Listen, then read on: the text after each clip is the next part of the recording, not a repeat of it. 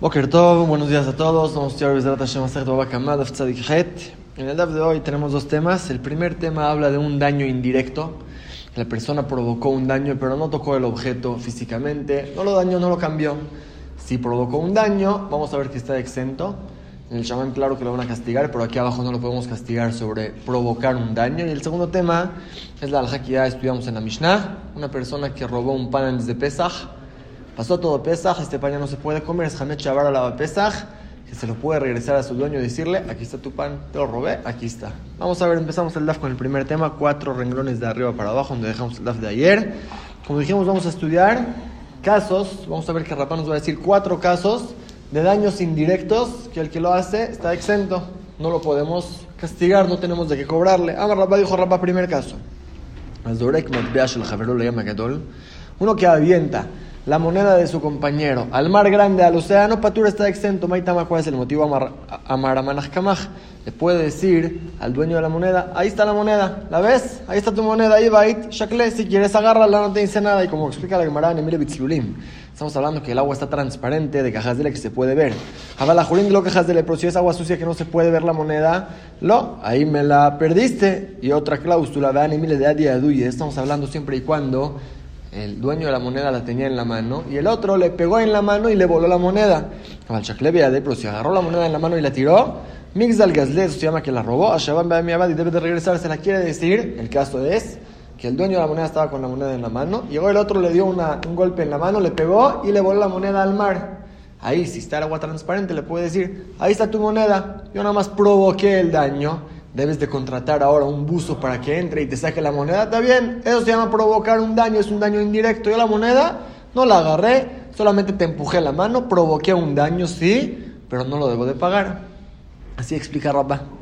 Mati Rabba le pregunta a Rabba, ya estudiamos ayer la alajá de Maaser Sheni, quiere decir cuando la persona tiene cosecha, tiene frutas, debe de sacar un diezmo para el Leví, el segundo diezmo lo debe de llevar a Jerusalén comérselo ahí en caso que la persona tiene muchas frutas, es difícil llevarlo a Jerusalén. Natural le dio la opción de redimir la kedusha de las frutas sagradas sobre dinero. El dinero lo lleva a Jerusalén, con eso compra comida ahí, se lo come como si fuera más sheni.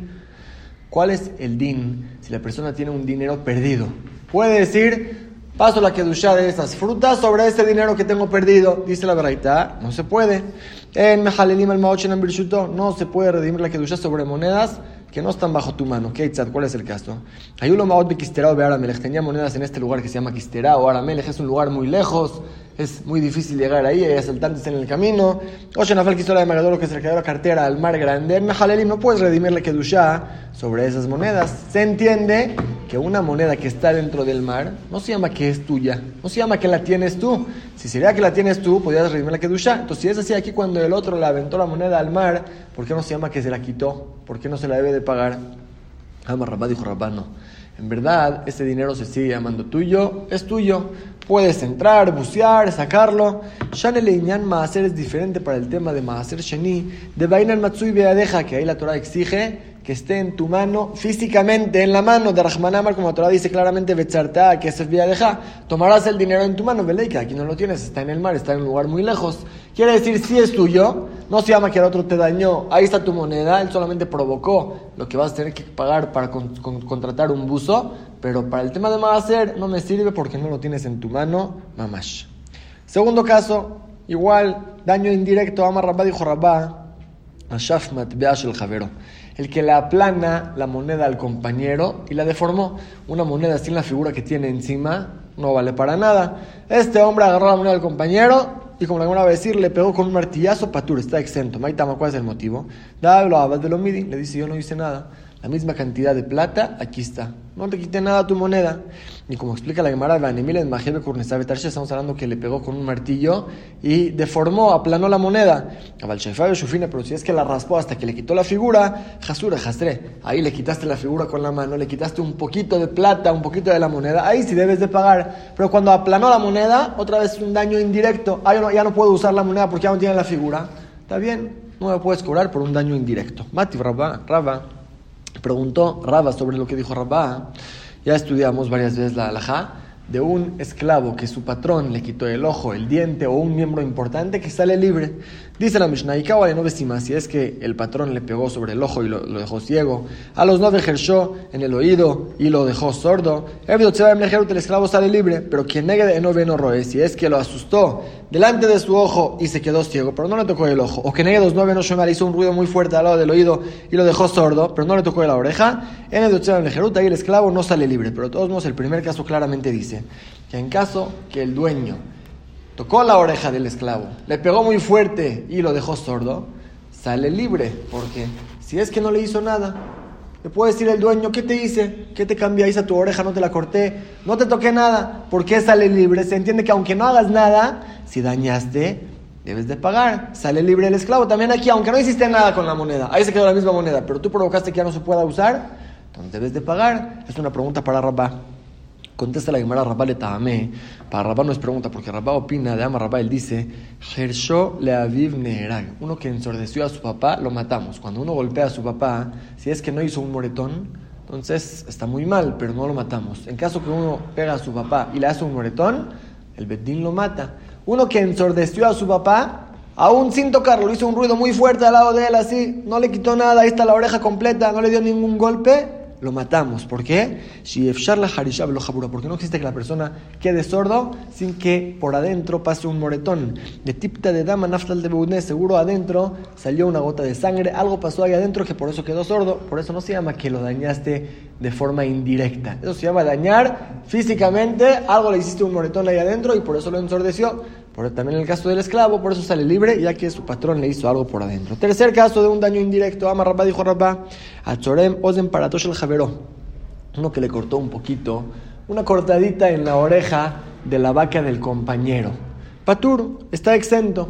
Maitama, ¿cuál es el motivo? Para que de caima caima. La vaca, como está, sigue estando. Lo, de lo midi no le cambió nada. Una vaca que tiene una cortadita en la oreja no baja de precio en el mercado por eso. La única diferencia es que no se puede traer como corbán.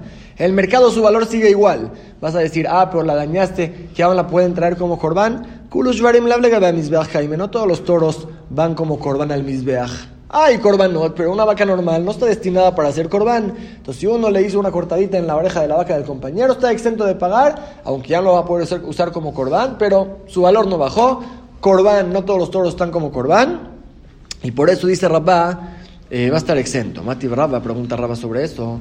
También está alhaja, todos la conocemos, que una vaca roja, una paraduma, una vaca rojiza, no se permite trabajar con ella. Si hicieron un trabajo con ella, ya no se puede usar como paraduma. Lo mismo después de que se quema la paraduma.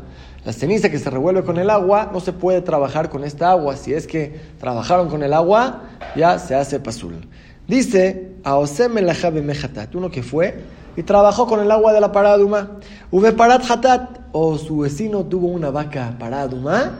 Él fue por malo y le puso un yugo encima, trabajó con ella.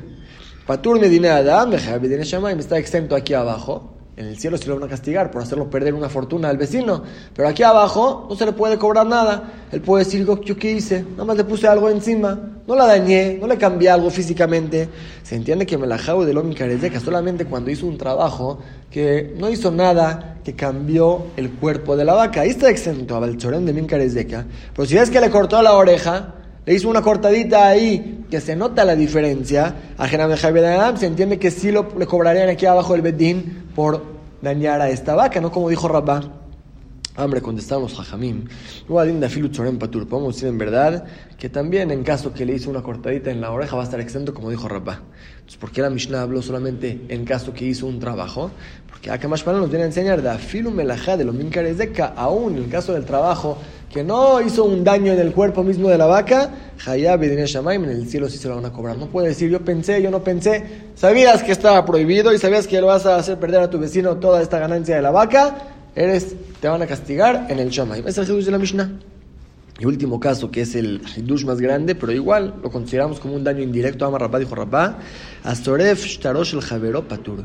Uno que quemó el documento del compañero, un documento de deuda de un millón de dólares, fue y lo quemó, está exento. ¿Por qué? De amarle, y ahora que a la le puede decir, yo te quemé una hoja, un papel, ¿cuánto cuesta una hoja? Un peso, toma un peso. Ah, lo que te decía ahí adentro no tiene que ver, es una prueba para que puedas cobrar tu deuda. Pero yo no te quemé tu dinero, Yo nada más te quité la prueba para que puedas cobrar tu deuda, es un daño indirecto y estoy exento. Así dice Rabba. Matkif la Rami Barjama, pero pregunta Rami Barjama, antes de llegar al motivo de un daño indirecto, ejídame, ¿cómo es el caso exacto? Y de Ikasa, de día de Si es que hay testigos que saben cuánto decía el documento, habían testigos que vieron antes de que lo quemaste, que decía un millón de dólares. Entonces, ¿cuál es el tema? Que vuelvan a escribir otro documento. El primer documento de deuda se, se, quemó. Habían testigos que vieron antes cuánto decía. Y que escriban, Rubén le debe a Shimon un millón de dólares. ¿Cuál es el tema? Y si el caso es que no hay testigos que saben cuánto decía ahí en el documento, Anan ¿cómo quieres, Vijlal, obligar a este a pagar? ¿Cuánto va a pagar? Si hay testigos que te dicen cuánto decía y es lo que le debe de pagar, que le escriban otro documento. Si no hay testigos, entonces ¿quién te dijo cuánto pagarle? Aún si sería un daño directo, ¿cuánto le va a pagar? Amarraba, contestó Rabba, tebe no. El caso es que el señor que quemó el documento dice, yo confío en el dueño del documento, lo que él diga que estaba escrito en el documento, yo acepto. Y el otro nos dice, decía un millón de dólares. No tenemos testigos para que puedan escribir otra vez el mismo documento, pero él le cree. Ahí dice Rabba, igual está exento de pagar. ¿Por qué? Ya que se considera un daño indirecto él no tocó el dinero del otro, solamente le impidió la prueba para poder cobrar. Ahí no se considera como un daño y no debe de pagar. La Gemara dice que esto es en verdad una discusión. Ama Rabdini Barjanina, dijo Rabdini Barjanina, ah, de Rabá esta alajá, que dijo Rabá, que cuando le quemó el documento al compañero está exento, que Rabshimon de Rabbanani. Es una discusión entre Rabshimon y Jamim. La Rabbi Shimon da Amar da Baragorn que Mamon Dame Mejayev. Según Rabbi Shimon que él sostiene que algo que provoca dinero se considera como dinero. Aquí también es algo que provoca cobrar la deuda. Se considera como dinero. Va a tener que pagar. Se considera que le dañó físicamente su dinero. La Rabbanán de Amar da Baragorn que Mamon Dame. Pero son Jaim que discuten y dicen no, algo que provoca dinero no se considera como dinero mamash. Lo Mejayev no va a tener que pagar. Entonces esta alajá está discutida entre Rabbi Shimon y Jajamim. Y la Gemara pregunta que tal vez también según Rabbi Shimon aquí va a estar exento, porque ¿cuál es el caso que habló Rabbi Shimon? Como dijimos, el pan, el ladrón que se robó un pan y ahora pasó Pesaj, entonces ya no se va a poder comer este pan, pero el ladrón tiene chance de ir con el dueño y decirle, aquí está tu pan, toma, te lo regreso. Si viene alguien y quema este pan, entonces le provocó al ladrón que tenga que pagar un pan. Ya no se lo puede regresar al dueño. Eso se llama algo que provoca dinero. Algo que le provoca, provocaría al ladrón estar exento de pagar. Se lo quemaste. En eso discutió Rav Shimon pero un documento de deuda nunca, nunca tenía ningún valor propio. Ahí tal vez, según todos, va a estar exento. Vamos a ver la pregunta por adentro. Matkif, la Rabuna les preguntó Rabuna, el hijo de Rabbi Yoshua, Emar de Shamat le Rabbi Shimon, Puede ser que escuchaste lo que dijo Rabbi Shimon, que Davar Gorel Mamón que Amon Dame, que algo que provoca dinero se considera dinero. Bedavar Shi Karo Mamón, algo que una vez tenía un valor propio. Que Rabba, como dijo el caso Rabba de Amar Rabba, él dijo, Gazal Hamel Sifna Pesach, uno que se robó un pan antes de Pesach. Uba Ustrafó, y vino otra persona y lo quemó, depende cuándo lo quemó. Vamos, él, si lo quemó en Pesach mismo, Patura está exento, muy bien hecho. Shakol me subió la ahora porque un Hametz en Pesach hay que quemarlo, entonces si uno lo quemó en Pesach no pasa nada. Por la Jara Pesach, si ya pasó Pesach, ahora el ladrón tenía la opción de regresar el pan al dueño y estar exento de pagar lo que robó. Le diría, toma, aquí está tu pan. Y vino otro y le quemó y ahora perdió esta opción. Majlo que Rabbi Shimon en eso discutió en Rabbi Shimon Jamim. La Rabbi Shimon de Amar de Baragon aunque Amon dame Hayab. Según Rabbi Shimon que algo que provoca dinero se considera como dinero. Aquí también este pan provoca que el ladrón esté exento de pagar. Se considera como dinero, aunque ahora el Hametz no tiene ningún valor, no se puede tener provecho de él, pero provoca un exento de pago y por eso va a tener que pagar. La Rabbanán de Amar de Baragon dame Patur. Jaime discute y dice, no, algo que provoca dinero no se considera dinero, ya que este pan no tiene ningún valor propio hoy en día, por eso va a estar exento el segundo que quemó el pan que tenía el ladrón en la mano. Todo esto lo que escuchaste a Rabbi Shimon es tener algo que una vez tenía un valor propio, como el pan. Pero Bedavar, Sheni Mamon Miamrinan, cuando se trata de algo que nunca tenía valor propio, un documento nunca tiene un valor, es una hoja escrita, no es dinero ahí tal vez también según Rabbi Shimon va a estar exento el que lo quemó. no digas que lo que dijo Rabá es una discusión entre Rabbi Shimon y Jamim. Todo el mundo acepta lo que dijo Rabá, que uno que le quemó el documento al compañero va a estar exento. Amar a Meimar, pero ahora llega a Meimar y dice no. Mandedain dina de Garmi magbebed meshtar La persona, el hajam, la opinión que sostiene que Garmi debe de pagar. Quiere decir, hay daños directos hay daños indirectos, solamente provocó el daño. Y hay Garmi. Garmi es una acción que seguro va a dañar. No dañó algo con valor, como nuestro caso, pero dañó. Quemó un documento del compañero, ya no va a poder cobrar la deuda. Es un daño. Hay una discusión entre los Tanaim. Rabbi Meir, vamos a estudiar unos más adelante, sostiene que en esos casos debe de pagar. Entonces, el que opina que se debe de pagar en casos de Garmi, Hayab, aquí va a tener que pagar. Magbebet Meshtaramea ya va a cobrar el documento completo. Un mandelo da indine de Garmi, pero el que no sostiene como Rabbi Meir, el que discute, Magbebet Men Yarabe Alma, le va a cobrar solamente el valor de una hoja. ¿Cuánto cuesta una hoja? Medio peso es lo que va a pagar y está exento de todo lo demás. Trae la una historia. Abauda sucedió una vez con Ashi. Rabashi, el famoso Rabashi del Shas, cuando era niño, quemó un documento de su compañero, no de su compañero, de otra persona, lo quemó y el otro perdió mucho dinero. Ahora, un niño que daña está exento de pagar. Pero Rabashi quiso hacer una jumbra cuando creció. Haram, el otro perdió tanto dinero por mí, le voy a pagar, pero solamente si le debo de pagar. Si cuando sería grande lo haría, debería de pagar, entonces ahora, aunque lo hice como un niño chiquito, le voy a pagar. Si ese cuando sería grande tampoco estuviera obligado a pagar, entonces no lo voy a pagar. Así dijo Rabashi.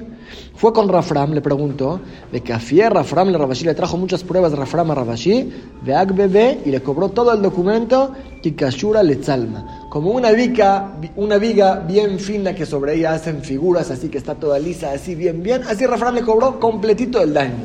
Y así queda la alhaja. Uno que le, que le quema el documento a su compañero, aunque le puede decir, no te queme nada, solamente quité una prueba. No, ya que provocaste un daño seguro, debes de pagar todo lo que estaba escrito en el documento. es el primer tema del DAF. Como dijimos, casos de daños indirectos, que cuando es un daño indirecto está exento de pagar, pero si ya vimos que hay casos que debe de pagar. Pasamos a la segunda parte del DAF. Como dijimos en la Mishnah, Hametz Si un ladrón robó un pan antes de Pesach. Pasó todo Pesach y este pan ya no se puede tener provecho de él, no se puede comer, no se puede vender, no se puede hacer nada. Pesach. Puede el ladrón ir con el dueño y decirle, aquí está tu pan, es el mismo pan que te robé, te lo regreso, estoy exento. Así dijimos en la Mishnah, pregunta la Gemara, Mantana ¿Quién es este Taná? Que es un hidush. Aunque este pan no cueste nada, dice, sí te lo puedo regresar y decir, aquí está lo tuyo, lo que te robé, aquí está delante de ti. ¿Quién es esta opinión? Ama Rabjizda Rabbi Yaakov. Y dijo Rabjizda, es una discusión en verdad entre Jajamim. Y Rabbi Yaakov es el Taná de nuestra Mishnah. ¿Dónde vimos esta discusión? De Taña dice la Braita. Shor Shehemit, un toro que mató a una persona la alajá es que el Bedín lo juzga y apedreamos al toro. Hachelo Nigmardino, antes de que el Bedín dictaminó el juicio del toro, Mejaró Mahur, si el dueño lo vendió, está vendido. Igdishom Gudash, si lo donó al Betamidash, está donado. Shaható, si se, apresuró y degolló al toro, Besaró Mutar, se puede comer la carne. Exdiró Shomerle Bealav, si es que el cuidador fue el que tuvo negligencia. El toro fue y corneó y mató y ahora el bedín lo está juzgando. Rápido, corre el cuidador, le regresa el toro al dueño y dice, aquí está tu toro. Así como me lo entregaste, te lo doy. Mujuzar, se llama regresado. Y ahora si el bedín lo juzga para apedrear, apedreamos al toro. Pero el cuidador, por su parte, alcanzó a regresarlo antes de que se dictamine el juicio del toro. Mishenigmardino si ya se dictaminó el juicio del toro, el Bedín ya juzgó que hay que apedrearlo, Mejaró en Omahura, aunque lo venda no está vendido, Igdishon Mugdash, aunque lo dona el Betamidash no está donado, Shehato, aunque le haga Shechita, Besará Azur, no se puede comer su carne, Exdiró Shomerle Beala, Benomugzar, si ahora el cuidador se lo regresa a su dueño, le dice el dueño, este ya es un toro muerto, ya lo van a apedrear, el Bedín lo juzgó para apedrear, ya no me lo puedes regresar, me pagas mi toro completo, así opina Jajamim. Rabbi Yaakov, Rabbi dice no. dino, aun cuando el Bedín ya juzgó que hay que apedrear al toro, que este toro ya no vale nada, ya no se puede tener provecho de él, ya lo van a apedrear, si el cuidador se lo regresó a su dueño, se lo puede regresar, le dice a Jalefaneja, aquí está, tu toro te lo regreso así como está.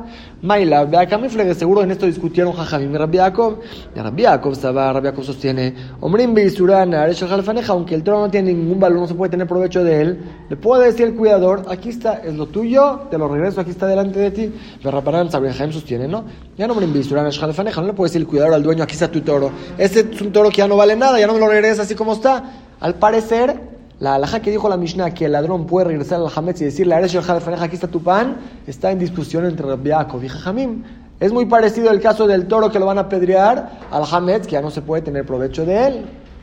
Así dijo Rabbi Amarle Rabba, le dijo Rabba lo podemos decir que de Kule Alma Todo el mundo reconoce que en el caso del Hametz de la Mishnah, todo el mundo reconoce que el ladrón le puede decir al dueño, aquí está tu pan, te lo regresé. De quien te va a traer una prueba, porque si discuten en eso, entonces Niflegu Hametz de Pesach, que discutan en este caso del pan, ¿para qué se van al caso de un toro que mató, que el cuidador lo regresa? Habla un ladrón que se robó un pan, ¿lo puede regresar después de Pesach o no? Di la discusión entre Rabbi y Jamim, se entiende que en eso no discuten. Todo el mundo reconoce, en el caso del Hametz de nuestra Mishnah, que se lo puede regresar. Entonces, ¿en qué qué discutieron aquí Rabbi Yaakov y Jaim? ¿Por qué según Jaim el cuidador ya no puede regresar al dueño y según Rabbi Yaakov sí? El Ama Rabá, si lo explicó Rabá, Aquí la discusión es si el Bedín puede juzgar al toro cuando el toro no está presente. Cuando el Bedín juzga a una persona, debe estar la persona presente cuando dictaminan el juicio sobre él. Si se escapó, el Bedín no puede juzgar, debe estar presente. Cuando juzgan al toro, ¿debe estar presente o no? Rabbanán sabre, según Jajamim, en Gomrim Dinosh el Chor el Bedín no puede juzgar al toro si no está presente. Entonces ahí le dice el dueño al cuidador, Tú me dañaste el toro tú mismo. No es nada más que tuviste negligencia, que fue y dañó y no lo cuidaste, que ahora lo van a pedrear. Eso mismo que llevaste el toro al Bedín para que lo juzguen, provocaste que lo maten. De amarle le dice el dueño al cuidador, y a si me traerías a mí el toro antes, hábame arikna de lo llevaría, lo escondería en un campo, en un lugar lejano, hasta mesarte. Ahora que se lo entregaste al Bedín, se lo diste Biadman de lo estudio de Nevade, ya no se los puedo quitar, ya lo tienen ahí cuidadito y por eso lo mataron. Entonces tú eres el culpable, no puedes regresar ahora el toro. Si el Bedín dictaminó el juicio del toro que lo van a matar, le dice el dueño al cuidador, aunque en teoría me lo podrías regresar, aunque no vale nada, me podrías decir, aquí está tu toro, pero tú ya lo dañaste. Eso mismo que se lo diste al Bedín, lo dañaste porque si no fuera que se lo darías al Bedín, el Bedín no lo juzgaría al toro. La Rabia Kosar, por Rabia sostiene, no. Gomrim dinosh el choshelo befana, no debe estar el toro presente para juzgarlo. De Amarlems le dice el cuidador al dueño, Maya Abdele, ¿qué ganaría si te regresaría el toro antes? Sof Sofaba Gamel le dinoshelo befana, de por sí el Bedín lo juzgaría aunque no esté presente, no te cambiaría nada. En ese punto discutieron Rabbi y Jamim, si el cuidador hizo mal en eso que no se lo regresó al dueño, se lo dio al Bedín o no. Y por eso un Jaim debe de pagar, y según Rabbi no, pero en el caso de Hametz, que pasó Pesach, todo el mundo reconoce que el ladrón se lo puede regresar, aunque no tiene ningún valor. Le dice, aquí está tu pan, te lo robé, te lo regreso. Así discutieron Rab y Rabba. ¿Cómo explicar la discusión entre Jaime y Rabbi Si discutieron en algo parecido al Hamed o discutieron en otra discusión si el Bedín juzga al toro aunque no esté presente. Cuenta la Gemara que Ashkeher Rav le Rabba Bar Shmuel encontró Rav Hizda a esta Jajam Rabba Bar Shmuel. Amar le preguntó, Tanit mi Bisurana, ¿tienes una verraitá con respecto a este tema que nos ayuda a entender como quién es como yo, como Rabba? Amar le dijo, In sí, Tanina, tengo una verraitá que apoya a Rabba, no como tú. Dice el pasuk de Shiveta Gezela, el ladrón debe de regresar del robo. Mata al Muldomar Asher Gazal. Para que el pasuk dice, el robo que robó. Claro que el robo es lo que robó. Si nos viene a enseñar Yahzir que Gazal, debe de regresar Puede regresar el ladrón el mismo objeto solamente si sigue en su primer estado. Mikanamru, aquí aprendieron Jajamim, que Gazal Matbea Benipsal, si es que robó una moneda y el rey decretó que ya no se puede usar, pero el objeto no cambió físicamente, o hubo frutas que se pudrieron, o yani de un vino que se avinagró, o trumá benitmet, frutas de terumá que se impurificaron, tampoco cambiaron su estado, pero su din cambió, ya no se puede comer, o hamet la pesaj, se robó un pan y ya pasó pesas por el hamet, ya no se puede comer. O verá un animal que una persona estuvo con ella, que ahora este animal hay que matarlo. O un toro que mató, que también hay que apedrearlo, pero antes de que el Bedín lo juzgó. En todos esos casos, Homer le puede decir, faneja, tómate regreso lo que te robé. Aquí está, aunque su din ya cambió, ya no se puede usar, ya está prohibido tener provecho de él, le puede decir, aquí está lo que te robé y estoy exento. Eso se aprende las palabras a Gazal, que todo tiempo que está en su primer estado físico se puede regresar. Así dice la verraita. Y ahora analizamos la verraita, se entiende como Rafizda. Porque mancha le da marcha, ¿Quién es la opinión que dice que hay diferencia? Que si al Bedín dictaminó el juicio del toro, ya no lo puede regresar. Y todavía no terminó el juicio, lo puede regresar. ¿Quién es esta opinión que hace diferencia? Rabbanán. Es Jajamín, porque según Rabiaco también después de que ya dictaminaron el juicio del toro, lo puede regresar el cuidador. Lo mismo sería aquí con el ladrón. Se entiende que esta verdad va a un Jajamín. De y claramente dice, Hametz, Pesach, Omerlo Jalefaneja, que en caso que lo robó un pan y pasó Pesach, sí se lo puede regresar. Claramente se entiende que según Jajamim también, todo el mundo reconoce que le puede regresar al Hametz y decir, aquí está tu pan. La única discusión es en caso de un toro, que terminaron su juicio, que ahí como explicamos, lo que no se lo puede regresar es porque el dueño le dice, ¿para qué se lo diste al Bedín? Me lo hubieras dado a mí y nunca juzgarían al toro. Es una prueba muy bonita para la explicación de Rabbah no como Rav Hizda. Amar le dijo a Rav Hizda este jajam, leu, si encuentras a los jajamim de la yeshiva, lo te velomidi, no les digas nada. Si vas a decir la verdad, van a venir conmigo a preguntarme, jajam, tenemos una verdad en contra de ti. Yo me retracto solito, no les cuentes nada, ya déjalo así. Así le dijo Rav Hizda este jajam. La Gemara nada más se enfoca en un punto que dijimos en esta verdad, que Perot Virkibu Omerlo al un ladrón que robó frutas y se echaron a perder, se pudrieron, le puede regresar todo lo podrido y decirle, aquí están tus frutas, te las regreso. Pregúntale a Gemara cómo. Gatman en la misión dijimos claramente, y es la lógica, que Perot Virkibu de la, si el ladrón robó frutas y se echaron a perder, se pudrieron, ya no se los puede regresar, ya no son mis frutas que robaste, me pagas lo que robaste. Amar con contestó papá, la diferencia es kan shirkibu kulan, kan shirkibu mixtatan. Si se pudieron todas las frutas o se pudieron solamente una parte.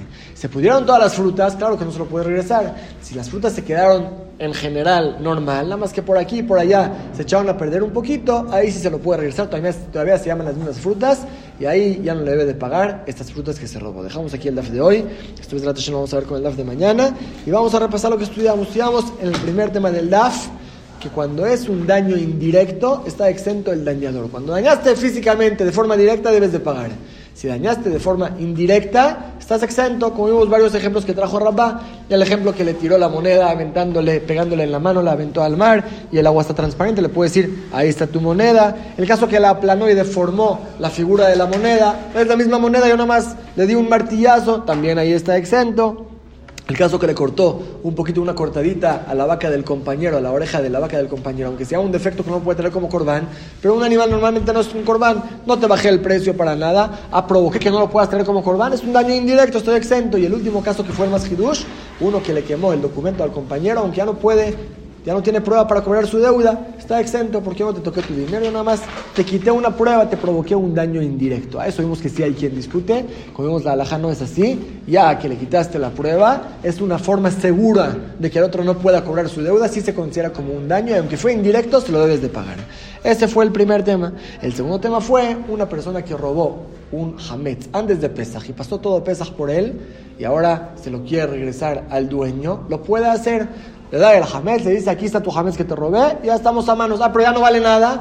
Ni modo, se puede decir a ella faneja vimos que si otra persona viene y se lo quema al ladrón, que ahora el ladrón ya no se lo puede regresar, ya perdió esta opción de regresar, va a depender de la discusión anterior. Cuando es un daño indirecto, debes de pagar o no, va a depender de esa discusión, Rabbi Shimon y Jajamim.